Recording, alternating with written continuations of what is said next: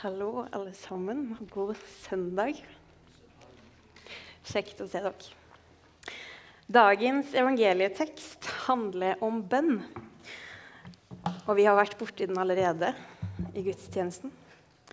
Og bønn kjenner jeg at er et litt sårt og vanskelig tema. Og det tror jeg at flere her kan kjenne igjen. Bønn kan være noe fint, noe veldig fint, noe beroligende, noe styrkende, håpefullt, noe man gleder seg over. Så kan det også være noe vondt, noe som minner om det man ikke skjønner, det man ikke får svar på, og det som er vanskelig. Det kan være noe som virkelig fremkaller en mistillit til Gud. Og frustrasjon og usikkerhet over hvor er han egentlig Hvem er han egentlig, og hva vil han egentlig?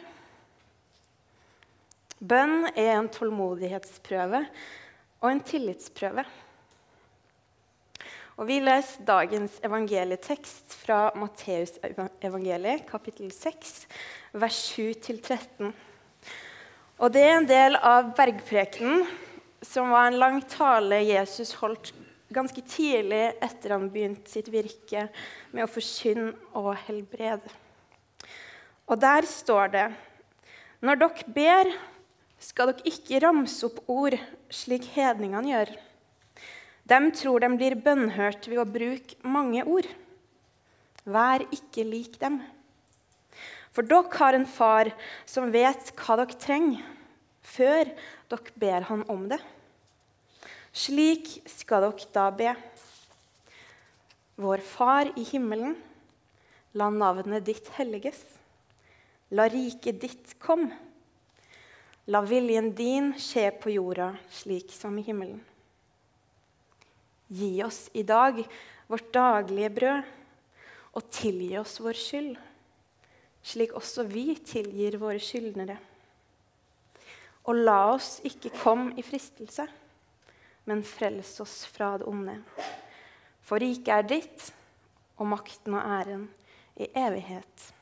Amen. Og jeg syns egentlig de første setningene som kommer før selve bønnen, er det mest spennende i denne teksten. Når dere ber, skal dere ikke ramse opp ord slik hedningene gjør. De tror de blir bønnhørt ved å bruke mange ord. Vær ikke lik dem. For dere har en far som vet hva dere trenger, før dere ber han om det. Og Jesus starter på en måte med å rette på folk. Eller Jeg ser i hvert fall for meg at han prøver å vende blikkene til folk mot det som er rett. Når dere ber, skal dere ikke ramse opp ord, slik hedningene gjør. De tror de blir bønnhørt ved å bruke mange ord. Og Jeg kjenner at dette treffer meg også i dag. Det treffer meg gang på gang. Hæ? Handler det ikke om hvor fint jeg ber? Hvor lenge jeg orker å be? Hvor mye jeg takker? Det ligger så i meg at jeg tror bønn er en ting som jeg må prestere på, noe jeg må fikse for å bli hørt. Men det er det ikke, ifølge Jesus. Og Her får du faktisk en fasit på hvordan du kan be. Og jeg liker hvor direkte Jesus er på det her. Hedningene tror de blir bønnhørt ved å bruke mange ord. Vær ikke lik dem. Jeg tror Jesus vet hvor langt fram det ligger i oss mennesker å skulle prestere på alt. Å skulle jage etter det perfekte og jage etter å være best. Men bønn handler ikke om prestasjon. At man skal vise Gud eller andre hvor flink man er. Jeg tenker at bønn handler om relasjon og tillit til Gud. Og en relasjon blir aldri helt god om den ene parten ikke er seg sjøl, men hele tida prøver å hevde seg. Og det er heller ikke tillit til Gud om man ikke viser seg som man er. Helt ekte og ærlig. Og stiller seg frem for Gud som om han er Gud, og jeg er et menneske som trenger han. Jeg tror også bønn handler om å gi Gud makta, noe som også krever stor tillit. Og Jeg ser for meg at Jesus syns det er vondt å se det som hedningene gjør. At de jager etter å bruke så mange ord og virkelig tror at det er det som skal til. Og Jeg ser for meg at Jesus starter med å si det her fordi mange av dem som lytta på han der og da, hadde en tendens til å sammenligne seg med hedningene på den måten de ba på. Og kanskje se ned på seg sjøl fordi de tenkte at de sjøl ikke var bra nok. Og det her tror jeg Jesus ville ha slutt på.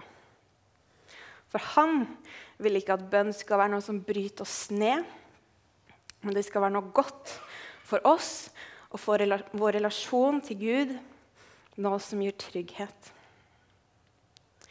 Når dere ber, skal dere ikke ramse opp ord slik hedningene gjør. De tror de blir bønnhørt ved å bruke mange ord. Vær ikke lik dem. Så fortsetter han. For dere har en far som vet hva dere trenger, før dere ber han om det. Dere har en far som vet hva dere trenger, før dere ber han om det. Og så deilig, kan vi tenke. Det er jo det. Gud vet hva vi trenger. Den aller mektigste. Han som skapte meg. Han vet hva jeg trenger. Og du? Han vet hva du trenger. Men jeg syns også at det stikker å lese den setninga. For jeg tenker fort at OK, men hvis du vet hva jeg trenger, så hvorfor gir du meg det ikke? Hvorfor har jeg det ikke allerede? Du som er Gud, den allmektige, hvorfor lar du meg leve uten det? hvis du vet at jeg så gjerne skulle hatt det? Du vet jo hva jeg trenger. I første kongebok, kapittel 3, vers 5-14, kan vi lese om kong Salomo, som Gud viste seg for i en drøm om natta. Og Gud sa til kong Salomo, be om hva du vil, og jeg skal gi deg det. Salomo svarte, du har vist stor godhet mot din tjener David, min far, fordi han vandra for ditt ansikt i troskap og rettferd, og hadde et hjerte som var oppriktig mot deg. Du har holdt fast ved din store godhet ved å gi han en sønn som i dag sitter på hans trone. Og nå har du, Herre, min Gud, gjort din tjener til konge etter min far David enda jeg bare er en ung og uerfaren mann. Her står din tjener midt iblant ditt folk som du har utvalgt. Et folk så stort at det ikke kan telles, og så tallrikt at det ikke kan regnes. Gi da din tjener et lydhørt hjerte, så jeg kan styre ditt folk og skille mellom godt og vondt. For hvem kan ellers styre dette folket, så stort som det er? At Salomo svarte her, var godt i Herrens øyne. Og Gud sa til ham, siden du ba om det her, og ikke om et langt liv eller rikdom eller død over dine fiender, men om evne til å høre hva som er rett, så vil jeg gjøre det du har bedt om. Nå gir jeg deg et hjerte som er så klokt og forstandig at din like aldri før har vært og heller ikke skal komme etter deg. Selv det som du ikke ba om, vil jeg gi deg, både rikdom og ære. Så lenge du lever, skal det ikke finnes din like blant kongene. Og hvis du vandrer på mine veier og holder mine lover og bud, slik som din far David gjorde, vil jeg gi deg et langt liv. Gud sier til Salomo at han kan be om hva han vil, og han skal få det av Gud. Og Salomo legger ut om Guds godhet overfor hans far David, og at Gud viste denne godheten fordi David var trofast, rettferdig, holdt seg til Gud. Og Salomo virker takknemlig over å se hva Gud har gitt David, en etterfølger som er blitt tronarving. Og han virker takknemlig over å se at han sjøl har blitt vist tillit av Gud, til tross for hans unge alder, og at han ikke har noe særlig erfaring. Så skal han lede et folk så stort at det ikke kan telles, og så tallrikt at det ikke kan regnes. Og i det her så velger Salomo, som kan be om hva han vil, han ber om et lydhørt hjerte, så han kan styre folket og skille mellom godt og ondt. Og Gud likte det Salomo sa, og mente at han hadde et godt ønske. Og det som står videre i teksten da, syns jeg er spennende.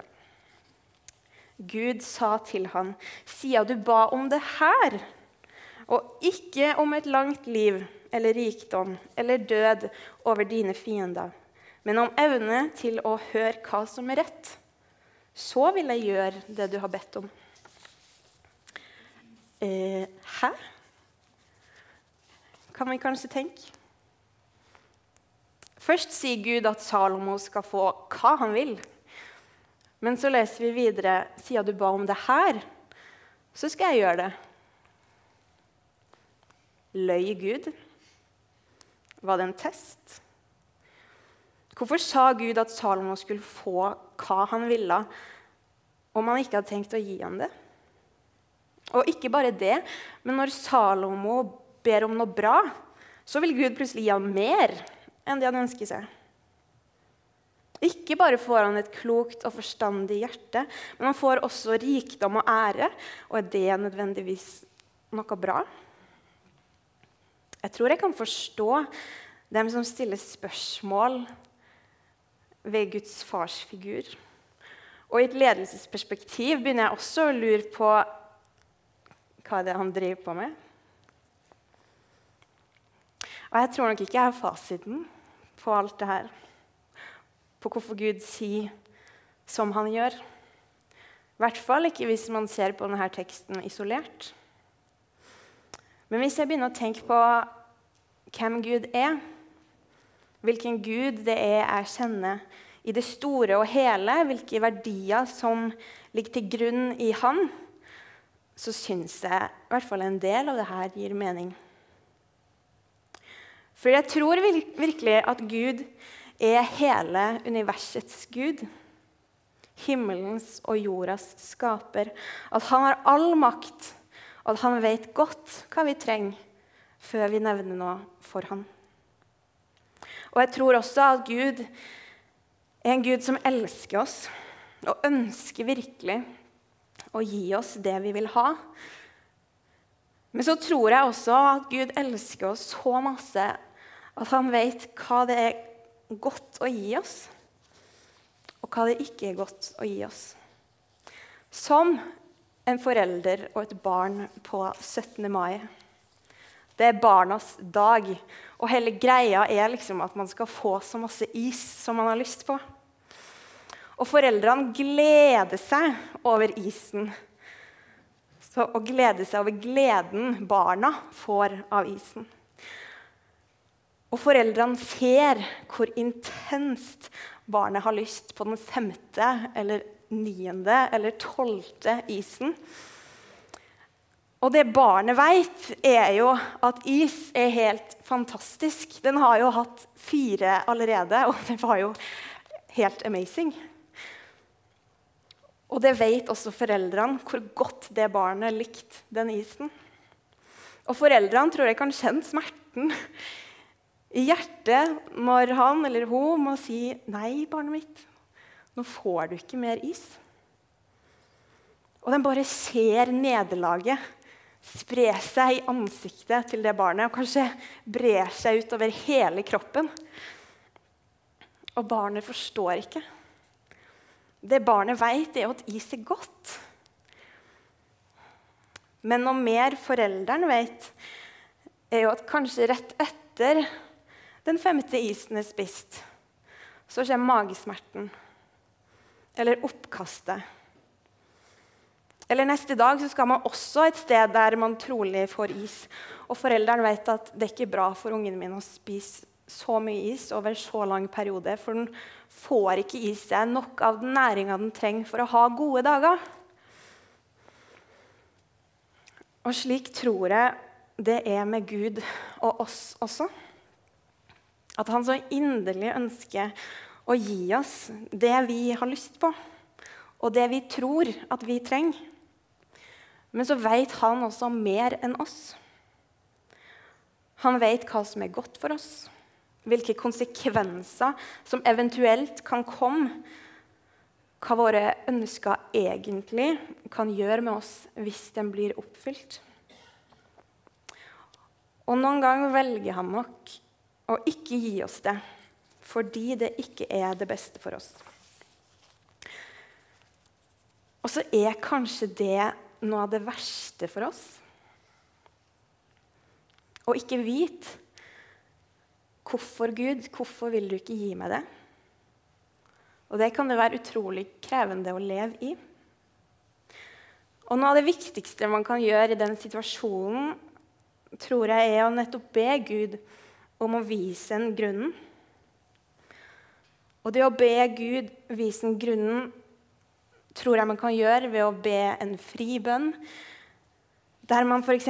sier, 'Gud, du ser hvor vanskelig jeg syns det er.' At jeg ikke enda har fått det som jeg ønsker meg. Hjelp meg til å takle det og til å stole på deg og dine planer for meg. Men man kan også be en bønn som er skrevet allerede. Noe som allerede er gjort ferdig. Der man henvender seg til Gud og ber om at han skal bli sett på som Gud av meg. At hans planer skal få skje. At vi skal få det vi trenger her og nå, som vi ber i vår Far. Og selv om vår far er en ferdig skrevet bønn, tror jeg ikke at det gjør den enkel. For den bønna inneholder store ord. Og hver gang jeg ber den, øver jeg meg på å virkelig mene det jeg sier. Og virkelig ønske at Gud skal ha all makta. At det er hans vilje som skal skje, og ikke min. Og stol på at det er nok med det daglige brødet. Så kjenner jeg for min del at i perioder der jeg syns det er vanskelig å forstå Gud, det er da jeg gjerne ikke oppsøker Han. Hvis jeg er lei meg for noe, ikke forstår hvorfor det her og det her skjer, så har jeg en tendens til å stoppe og søke Gud. Kanskje jeg av og til gir opp litt ikke orker mer, blir motløs. Og da trenger vi hverandre. Vi trenger andre kristne som kan styrke oss, hjelpe oss med å holde hodet over vann. F.eks. en bibelgruppe der man kan være ærlig og si at nå syns jeg det er vanskelig å forholde meg til Gud. Jeg klarer ikke å be. Så kan de be for deg eller med deg. Eller man kan gå til forbønn og legge fram det man har på hjertet, og bli bedt for. Eller kanskje bare snakke med en kristen kompis eller venninne om hva som foregår, og at han eller hun sjekker inn av og til for å sørge for at du ikke bare forblir i den tilstanden der du ikke oppsøker Gud. For jeg tror jo at det beste, det aller beste, er å søke Gud i alt. Men jeg vet også at det kan være utrolig vanskelig. Og av og til så trenger man hjelp. Av og til kan det kanskje være nok med en ferdiglagt bønn.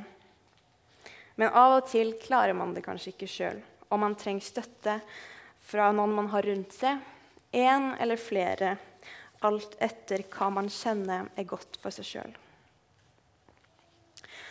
Så tror jeg som sagt at Gud ønsker å gi oss det vi ber om, og mer enn det. Men så må vi kanskje av og til komme til et sted i oss sjøl før vi kan få det, så Gud ser at nå er vi klar for det. Nå vil vi håndtere det bra om vi får det vi ønsker oss. Sånn som Salomo viste at han ikke misbrukte Guds tilbud, men brukte det til noe godt. For Gud vet hva du ønsker deg, og han vet hva du trenger.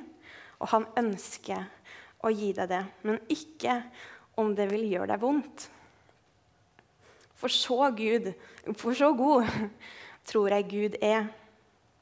At han er villig til å selv, selv kjenne en sorg over vår smerte over det vi ikke får, hvis det betyr at vi faktisk får det bedre. Selv om vi kanskje ikke ser det sånn. Og I sånne situasjoner så syns jeg det er godt å minnes om det som står i 1. Korinterbrev, kapittel 13, vers 12. Nå ser vi i et speil, i en gåte. Da skal vi se ansikt til ansikt. Nå forstår jeg stykkevis, men da skal jeg erkjenne fullt ut, slik Gud kjenner meg, fullt ut. En dag skal vi forstå alt og se alt som vi ikke har sett eller forstått. Og som vi synger i salmen 'Det er makt i de foldede hender'. Det er makt i de foldede hender når i Frelserens navn du får be. Og en gang når du livsløpet ender, hvert et bønnesvar klart skal du se. Og uansett om vi får det vi ønsker oss eller ikke, eller det vi tror at vi trenger, så tror jeg uansett at vi får det vi virkelig trenger for denne dagen vårt daglige brød, av Gud som vet hva vi trenger, før vi ber om det. Som selv om han allerede vet det, vil at vi skal be han om det, vil at vi skal søke han. Og ønske en relasjon til han, en tillitsrelasjon hvor vi kan komme helt blottlagt fram for han, akkurat som vi er. For det er han som er Gud, vår Far, den allmektige, himmelens og jordas skaper, som elsker oss, sine barn, og ønsker oss alt godt. La oss be med Paulus, slik som det står skrevet i Efeserne kapittel 3, vers 14-21. Derfor bøyer jeg mine knær for Far han som har gitt navn til alt som kalles far, i himmel og på jord. Må Han som er så rik på herlighet, gi deres indre menneske kraft og styrke ved sin ånd. Må Kristus ved troen bo i deres hjerter, og dere stå rotfestet og grunnfestet i kjærlighet må dere sammen med alle de hellige bli i stand til å fatte bredden og lengden, høyden og dybden, å kjenne Kristi kjærlighet, som overgår all kunnskap. Må dere bli fylt av hele Guds fylde. Han som virker i oss med sin kraft og kan gjøre uendelig mye mer enn det vi ber om og forstår. Han være ære i Kirken og i Kristus Jesus gjennom alle slekter og evigheter. Amen.